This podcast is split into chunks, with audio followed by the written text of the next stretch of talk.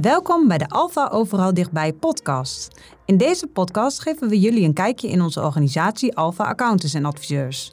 We vertellen jullie over onze klanten, over onze dienstverlening en onze ambities. Ook geven we tips met als doel om jullie te inspireren en te motiveren. Mijn naam is Annemiek Belle en ik ben werkzaam bij Alpha in Wageningen. In deze vijfde aflevering praat ik met Jasper Gotte, senior belastingadviseur en stafhoofd van Bureau Vaktechniek Fiscaal uit Wageningen. We praten over de aanloop richting Prinsjesdag op dinsdag 21 september. Zijn er al zaken uitgelicht? Wat zijn de plannen van het kabinet? Waar moeten we rekening mee houden? En mogelijk geven we al een tipje van de sluier weg.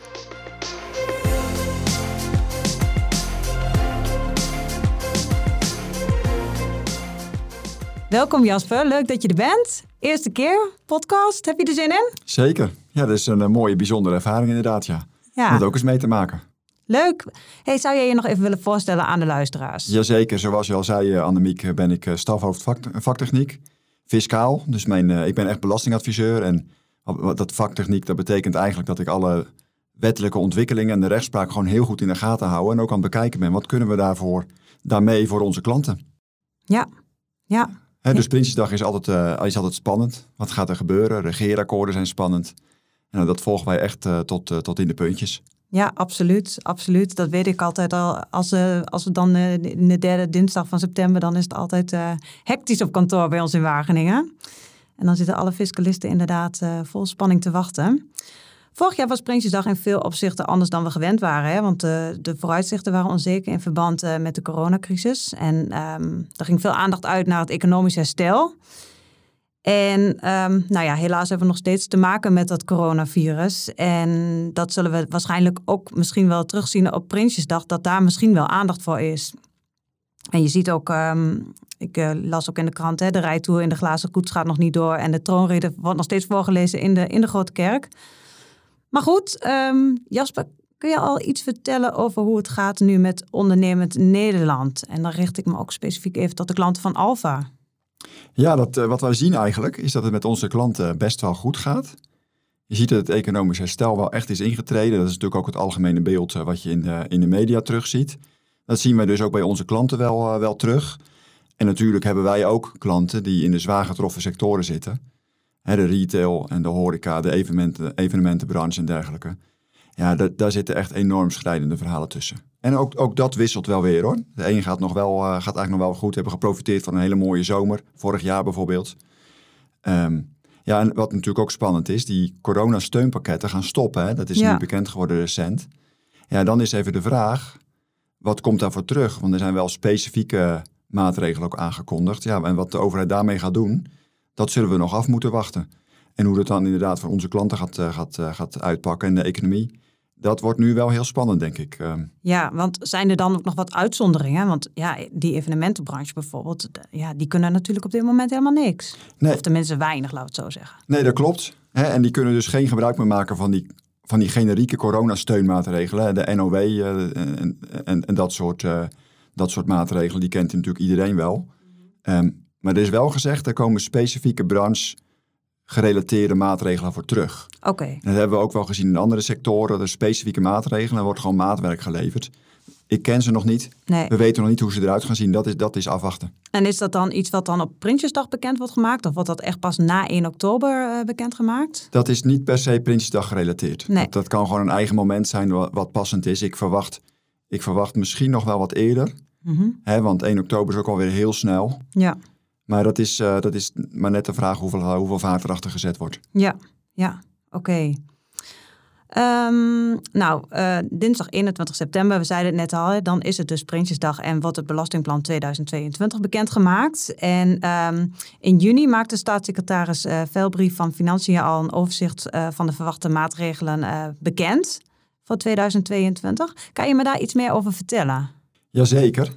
Ehm dat, klopt inderdaad. Er is een overzicht met maatregelen is er, eh, is er eh, bekendgemaakt. Niet eens uitgelekt, maar echt een brief gestuurd. En eh, wat eigenlijk wel, wel opvallend is, dat zijn natuurlijk allemaal kleine, kleinere maatregelen. We hebben te maken met een demissionaire kabinet. En wat in principe geen ingrijpende maatregelen treft, ook fiscaal niet. Tenzij, en dat is nog wel een re- realistische optie, dat er wellicht toch breed gedragen fiscale wijzigingen inkomen, die echt de beide kamers ook echt gaan ondersteunen. Want we zitten natuurlijk wel in een situatie dat we al, al, al maandenlang nu met een demissionair kabinet zitten. En we wel een coronacrisis en een, en een crisis op de woningmarkt uh, hebben. Dus het zou toch kunnen zijn dat er misschien wel meer in zit dan we verwachten. Dat is, dat is nog wel even spannend. Ja. Maar in die brief, hè, daar vroeg je, daar vroeg je Ja. naar. Daar stonden eigenlijk wat kleinere eh, fiscale dingen in. Eentje was wel opvallend. Die, eh, die licht ik er gelijk even uit. Dat was dat er een gerichte vrijstelling komt in de loonbelasting voor thuiswerkkosten. Hè, dat is, dat is eh, eh, de werknemers die eerst op kantoor kwamen en daar de koffie van de baas kregen en het wc-papier mochten gebruiken en, eh, en een warmgestookt kantoor konden gebruiken. Ja, die moeten dat nu thuis zelf betalen. Kost ongeveer 2, 2 euro per dag.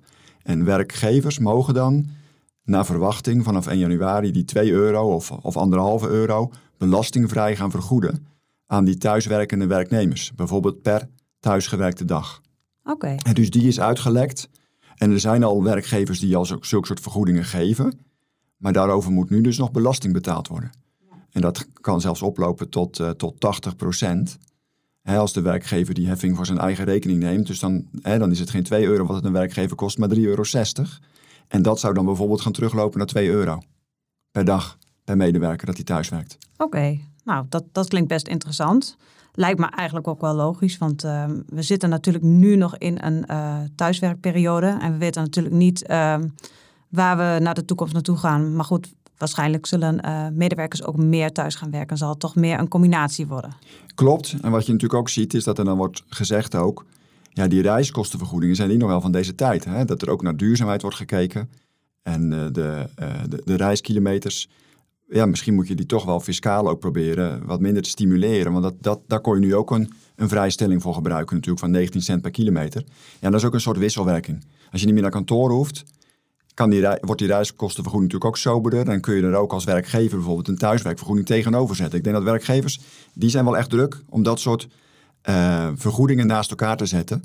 En zo'n thuiswerkvergoeding en een reiskostenvergoeding en een vaste kostenvergoeding, om die opnieuw te gaan beoordelen. Ja, en hoe zit dat dan? ehm, nou ja, als je bijvoorbeeld een leaseauto hebt en, en je rijdt nu veel minder, hoe, eh, hoe zit dat dan? Ja, daar is eh, fiscaal in elk geval is de regelgeving niet gewijzigd. Oké, Dus ehm, het kan zijn dat bijvoorbeeld een werknemer een eigen bijdrage betaalt voor privégebruik. Ehm, en dat werkgevers daar op, bijvoorbeeld inderdaad op een gegeven moment zeggen... die gaan we wat terugschroeven, want dat privégebruik is ook veel minder. Of dat er misschien zelfs wordt gezegd eh, dat een werknemer zegt... ik wil die auto niet meer privé gebruiken, maar alleen zakelijk. ja. Want dat past mij beter, want die bijtelling die is me nu te veel... voor, de, voor het beetje privékilometers dat ik nog maak. Maar de fiscale regelgeving is niet gewijzigd. En eh, nou ja, goed, verder er zijn er nog meer eh, zaken die nu al echt bekend zijn. Ja, eentje die wil ik er nog wel even uitlichten. Want dat gaat ook richting het einde van het jaar. Is dat ook een belangrijke. We weten hem al wel. ehm, maar die komt ook echt nu in de wet te staan. Dat komt ook in het Prinsjesdagvoorstel te staan. Ehm, dat is het wettelijk regelen van een eh, verhoging van de opstap in de werkkostenregeling. Even kort uitleggen. Ehm, die werkkostenregeling, daar mag je eigenlijk eh, bepaald loon in onderbrengen. Zoals de kerstdiners en de kerstpakketten voor je werknemers. Ehm, waarvan je eigenlijk zegt, ik wil niet dat mijn werknemers daar zelf belasting over betalen. En die wijs ik dan aan en die komen dan in de vrije ruimte van de werkkostenregeling. Zo heet dat.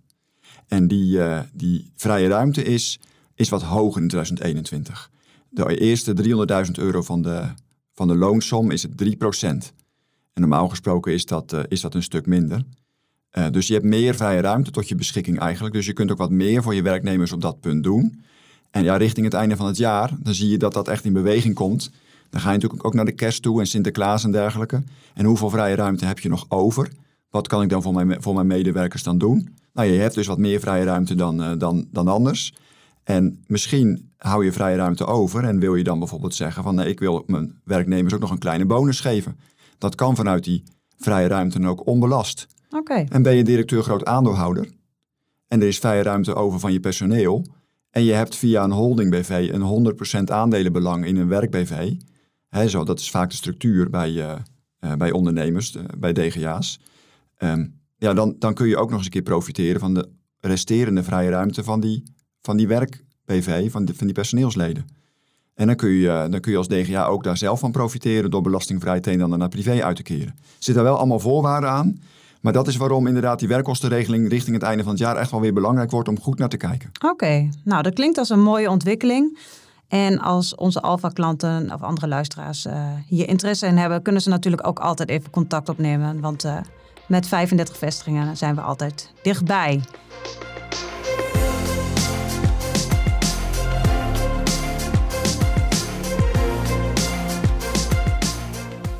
Um, Jasper, uh, zijn er al zaken uh, uitgelekt? Hè? Want je, je, vertelde net al, er zijn al een aantal zaken zijn echt al bekendgemaakt. Maar zijn er ook al zaken uitgelekt?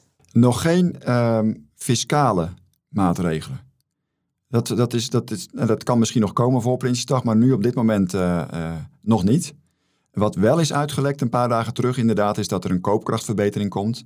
200 miljoen wordt daarvoor uitgetrokken. Vooral inderdaad naar de, naar de alleenverdieners en de minima gaat dat toe naar de gezinnen, is bekend uh, gemaakt of geworden eigenlijk. Um, en dat ook de criminaliteit wordt aangepakt. 400 miljoen is daarvan vrijgemaakt. Dus dat soort algemene zaken zijn wel al uitgelekt. Maar echt gerichte fiscale maatregelen niet. Nee. Nee. nee, nee. Um, in ons uh, voorgesprek hadden we het even over bedrijfsopvolging. En ik heb in een vorige podcast heb ik ook gesproken over bedrijfsopvolging in de agrarische sector. Binnenkort komt er ook nog een uh, podcast uh, over bedrijfsopvolging in het MKB. Maar het is in ieder geval een onderwerp wat heel erg speelt, ook bij onze klanten. En jij gaf aan dat de fiscale bedrijfsopvolgingsfaciliteiten onder vuur liggen. Klopt, ja. Ja, want dat, dat er nog niks is uitgelekt, wil niet zeggen dat natuurlijk dat we, dat we niet toch ook met spanning afwachten wat er gaat gebeuren op bijvoorbeeld inderdaad het punt van die bedrijfsopvolgingsfaciliteiten. Want die zijn uh, voor onze klanten en voor ondernemers in het algemeen heel belangrijk en ook heel lucratief.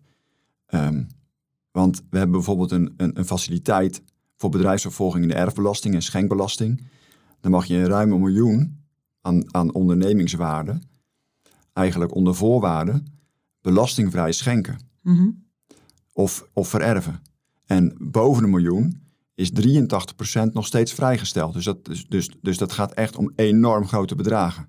Dat gaat zo om tonnen aan belastingvoordeel. Hè? Want dat is gewoon echt afstel van belastingheffing. Ja. Want je hoeft het gewoon niet te betalen, die erf- en schenkbelasting, ook later niet. Um, dus dat is echt een ongelooflijk belangrijke en gunstige faciliteit. En ja, die ligt gewoon onder vuur de laatste tijd. Uh, er zijn politieke partijen die willen dat versoberen. Er wordt ook wel uh, door, door adviseurs natuurlijk ook wel gewoon en door, en door ondernemers worden de grenzen wat opgerekt. Je ziet dat er wordt geprobeerd om vastgoed portefeuilles bijvoorbeeld ook onder die bedrijfsopvolgingsregelingen te krijgen. Gaat om enorm grote bedragen hè, met vastgoed, dat kun je je voorstellen ook. Dus ook om, om heel veel belastinggeld. Heel veel rechts, rechtspraken. We hebben een voorbeeld gezien van een 90-jarige mevrouw in een, in een, uh, een agrarisch bedrijf, die dan weer toe ging treden tot een, uh, tot een vennootschap onder firma als vennoot en dan weer landbouwgronden ook uh, ging inbrengen. En nou ja, de vervolg, het vervolg was eigenlijk dat ook die die waardevolle landbouwgronden weer belastingvrij of grotendeels belastingvrij konden gaan vererven. Ja. Naar de kinderen die ook, die, waarmee ze eigenlijk weer ging samenwerken. Ja, dat soort situaties zie je dat, dat, dat, dat wel die faciliteit wat onder druk zet. Ja. En dat ze dan misschien wat te ruim zijn en dat we misschien ook wel inderdaad af kunnen met een betalingsregeling. Dan hoef je niet direct het geld aan je onderneming te onttrekken om al die belasting te betalen. En dan kun je er gewoon een hele tijd over doen. Maar dan heb je geen afstel meer, maar alleen uitstel. Ja. En toch was een motie van, het, van de Tweede Kamer aangenomen, wat, waarbij ook die bedrijfsopvolgingsregeling weer gesteund wordt. Dus het is gewoon echt spannend. Welke kant gaan we daarmee op? En wat wij wel ook tegen onze klanten zeggen, ook vanaf een bepaalde leeftijd natuurlijk. Ja, kijk eens goed wat je nou met je structuur kunt doen. Dat als we zien aankomen dat er een versobering komt, dat je wel heel snel kan schakelen en toch ook bepaalde stappen kan zetten om nog zoveel mogelijk van die faciliteiten te profiteren. Ja, en is dat dan iets wat ze dan dit jaar nog moeten doen? Of, of verwacht je wel dat het ook volgend jaar. Maar het, het, komt een beetje bij mij over van. joh, als je erover nadenkt. ga er dan nu ook echt mee aan de slag. Ja, dat, dat, dat, dat, dat vind ik ook wel. Um, want je structuur moet er wel klaar voor zijn. Ja. He, dus je kunt, je kunt niet zomaar vanuit een bestaande structuur. of niet altijd zomaar die bedrijfsvervolgingsfaciliteiten benutten.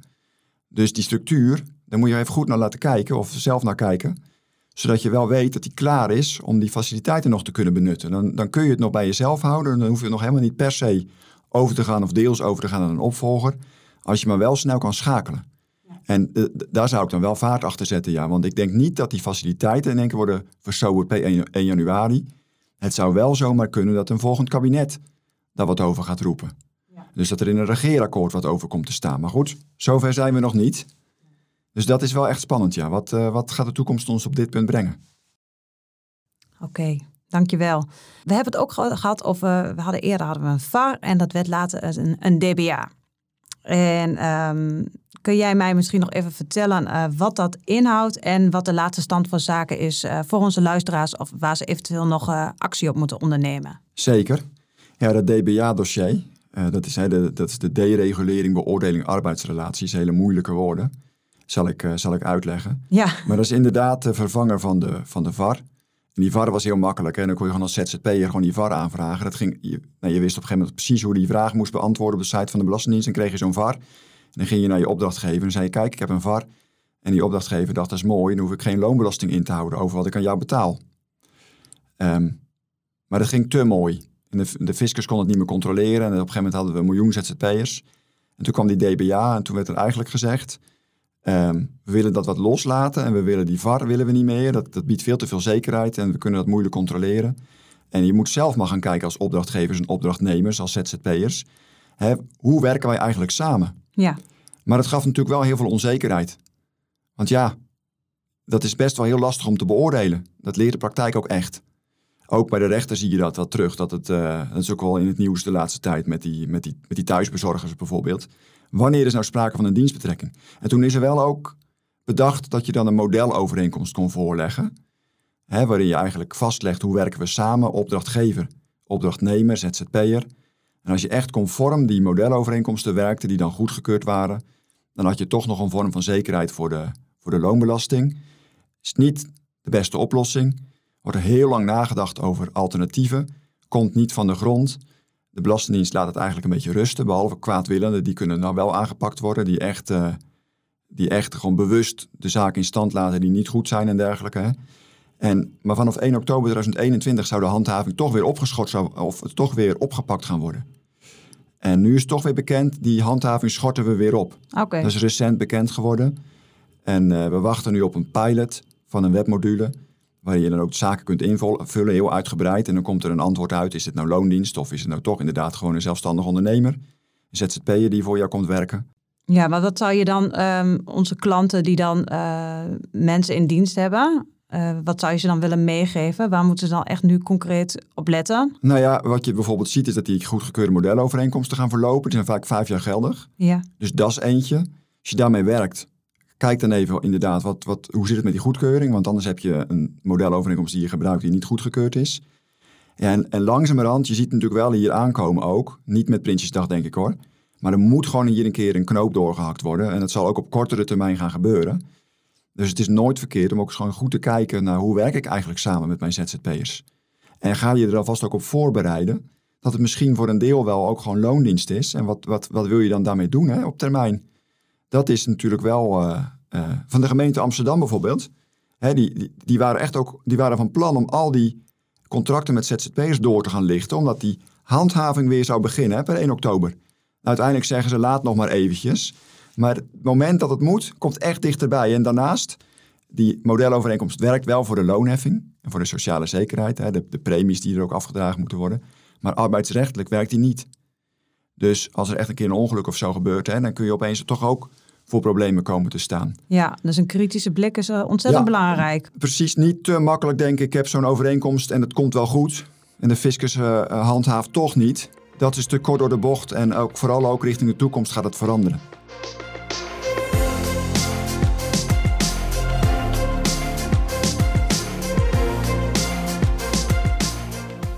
Je vertelde ook uh, dat de belastingheffing over het vermogen in box 3, uh, dat dat wellicht ook nog een, uh, een knelpunt is. Klopt, ja. ja dat is ook zo'n heet hangijzer. wat ook al eigenlijk al jarenlang suddert. En wat ook gewoon veel belastingplichtige mensen die belasting betalen een doorn in het oog is. En waarom? Hè? Dat is natuurlijk omdat bij box 3, waar je privévermogen in belast wordt, dus gewoon je spaargeld op je eigen rekening, op eigen naam, vakantiewoning op eigen naam, uh, beleggingen, dat soort, dat soort zaken. Daar wordt niet gekeken naar wat je werkelijk daarmee verdient, wat je werkelijk aan spaarrente krijgt van de bank of zelfs moet betalen. Nee, er wordt gewoon gezegd, um, wij veronderstellen dat je daarop een bepaald rendement maakt. Nou, 50.000 euro mag je belastingvrij hebben. En boven die 50.000 euro tot 100.000 euro wordt verondersteld dat je 1,9% rendement maakt. als je dus een ton spaargeld hebt, dan maakt het rendement echt niet. En dan betaal je dus wel gewoon over die, uh, over die 50.000 euro, betaal je ongeveer 0,6% belasting. Nou, ik weet niet wat je aan rente kunt krijgen, maar je betaalt tegenwoordig uh, in veel gevallen. Uh, en dat is gewoon echt een doorn in het oog. Dat je gewoon veel meer belasting betaalt dan dat je eigenlijk aan, aan rendement hebt. Ja, en dat is al een dossier wat al heel lang loopt. En ik denk dat we echt toegaan naar een systeem wat, waarbij wel wordt gekeken naar het werkelijke rendement, dus de werkelijke ontvangerspaarrente. Um, en dat wordt echt op voorgesorteerd ook, maar het schijnt allemaal erg ingewikkeld te zijn om in te regelen in de systemen. Ik, ik denk dat dat ook een regeerakkoord uh, uh, probleem, uh, oplossing komt. En nu, nu, met Prinsjesdag niet, hoewel we vorig jaar bijvoorbeeld wel weer ook een aanpassing hadden dat je opeens tot 50.000 euro belastingvrij had, in plaats van tot 30.000 euro.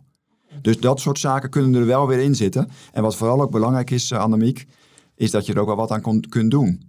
Want heb je veel spaargeld op de privérekening staan en betaal je dus veel belasting ten opzichte van je spaarrente, dan kun je het uh, inbrengen in een spaargeld-BV. En dan, dan zit je vervolgens in een, andere, in een andere belasting.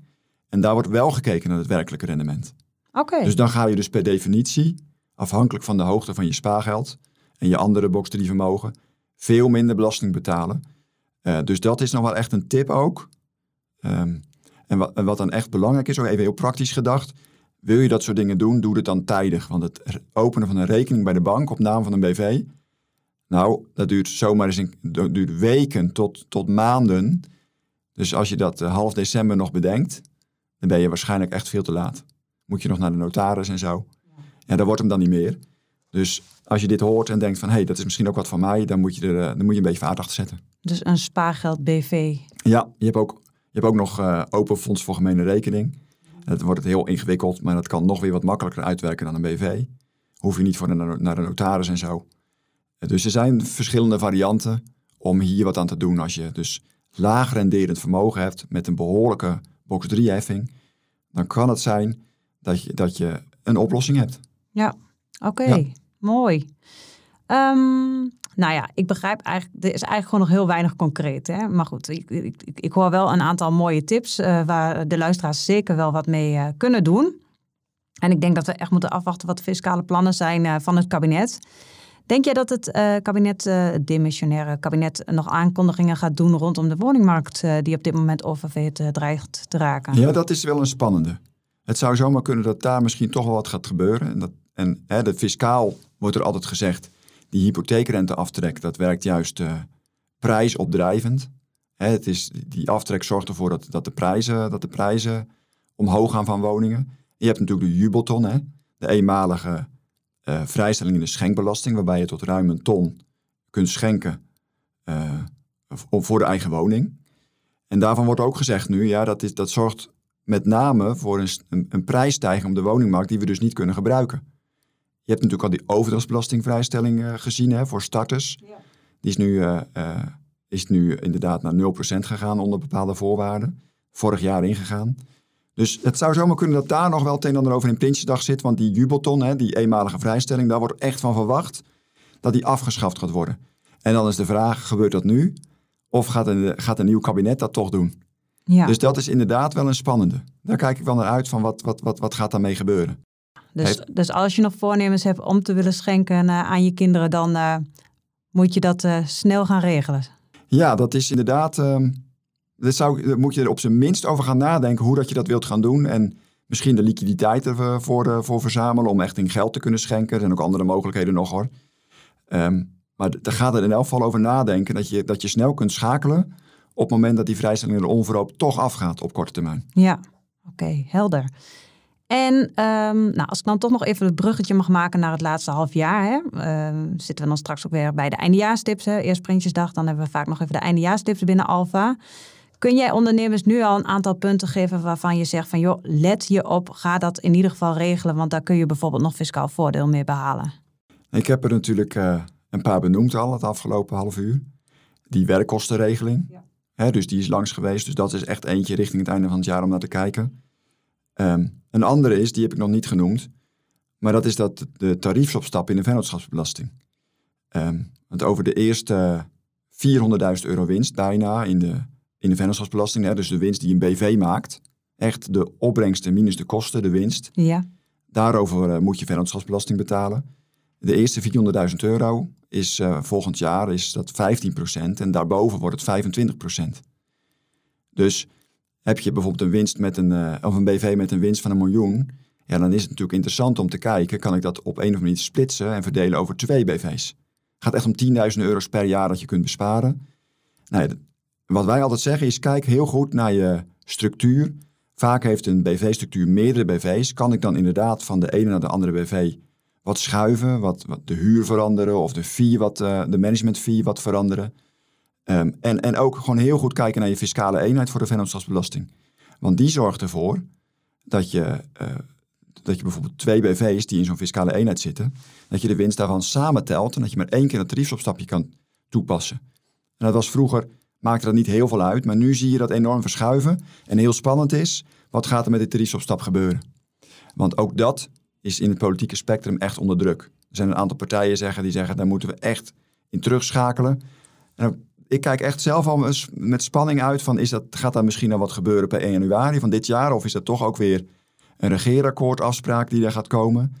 Ehm, en, en ja, wil je, wil je inderdaad die BV's gaan splitsen bijvoorbeeld, of je fisca- fiscale eenheid gaan aanpassen, dan wil je eigenlijk ook wel weten, hoe lang kan ik dan inderdaad daarvan profiteren natuurlijk? Want het zijn best ingrijpende dingen en kan ook heel veel, eh, heel veel opleveren.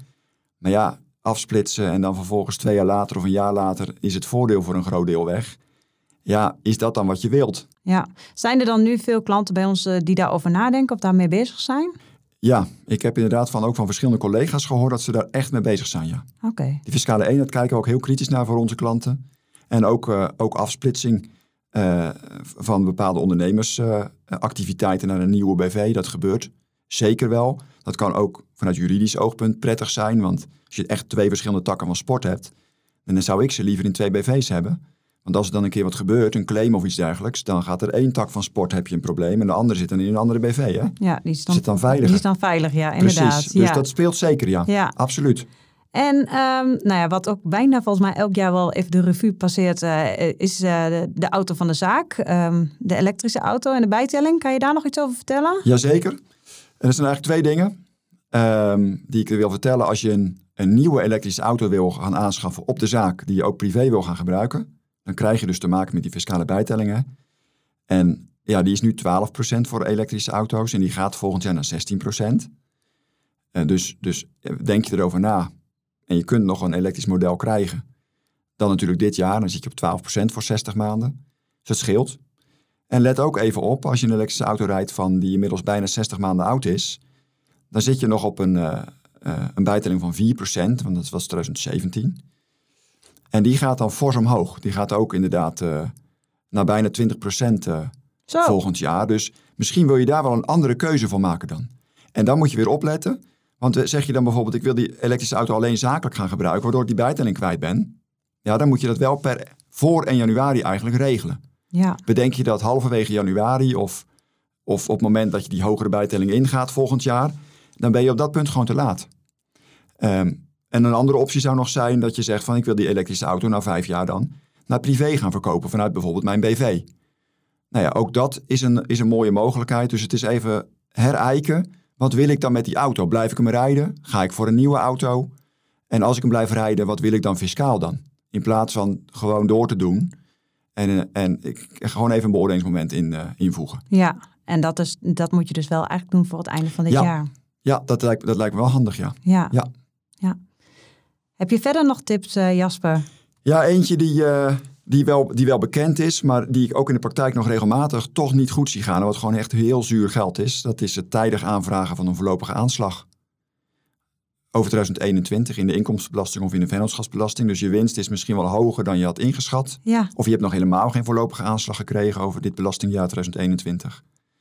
Ja, dan moet je dat tijdig aanvragen. En tijdig is dan in de eerste paar maanden van volgend jaar uiterlijk.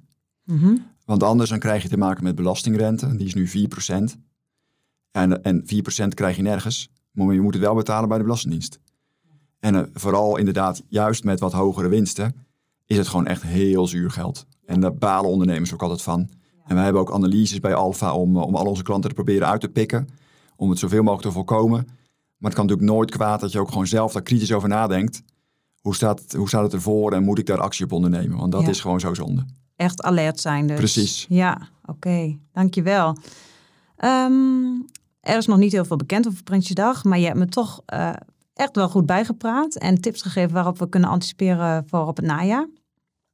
Hoe vond je het, deze podcast? Ja, wel heel leuk. Ja? Ja, ik zit echt er, eh, dat zien natuurlijk alle luisteraars niet, maar echt in een soort studiootje hè, met een koptelefoon en een eh, microfoon. Dus dat is wel heel gaaf om, eh, om mee te maken. Ja, het fiscale vak, daar hou ik van. Dat vind ik geweldig. Ja, Dus om daar wat over te kunnen vertellen is ook altijd heel leuk. ja, ja. Ik heb ook geprobeerd, hè, want soms zijn dingen toch best wel complex om, om het, hè, daar hebben we het samen ook over gehad, hè, dat we het echt toch heel praktisch willen maken, zodat het voor de luisteraars ook duidelijk is. En ehm, nou goed, mochten er vragen zijn, dan eh, weten de luisteraars ons natuurlijk gewoon te vinden.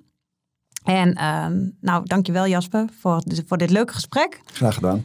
En wij zullen rondom Prinsjesdag ook een nieuwsbrief gaan uitbrengen. Ehm, en deze informatie die versturen wij naar onze klanten en naar onze relaties in een speciale eh, nieuwsbrief. Maar de informatie vind je ook terug op onze website op alfa.nl slash Prinsjesdag. En wij zullen ook op social media zullen wij eh, jullie allemaal meenemen in de, in de wijzigingen en de eh, actuele zaken. En ehm, nou goed, mocht je liever met eh, ons persoonlijk om tafel zitten, dan is dat natuurlijk altijd mogelijk. We zijn lokaal actief en ehm, jullie weten ons te vinden. Hey Jasper, dankjewel. Leuk, leuk dat je er was en dat je met me mee wilde werken aan deze podcast. En ga je nog wat leuks doen vandaag? Ga je nog naar kantoor? Ik ga, nou, ik ga thuiswerken. Ja, En dus in mijn thuiskantoor ga ik in inderdaad. ja. Dus eh naar huis toe zometeen. En eh dankjewel Annemiek, jij ook. Hartstikke leuk om hier te zijn. Podcast op te nemen met je. En eh, jij ook een fijne dag gewenst. ja, gaan we vaker doen hè? Jazeker, hartstikke leuk. Goed Ja. zo. Dankjewel voor jullie aandacht.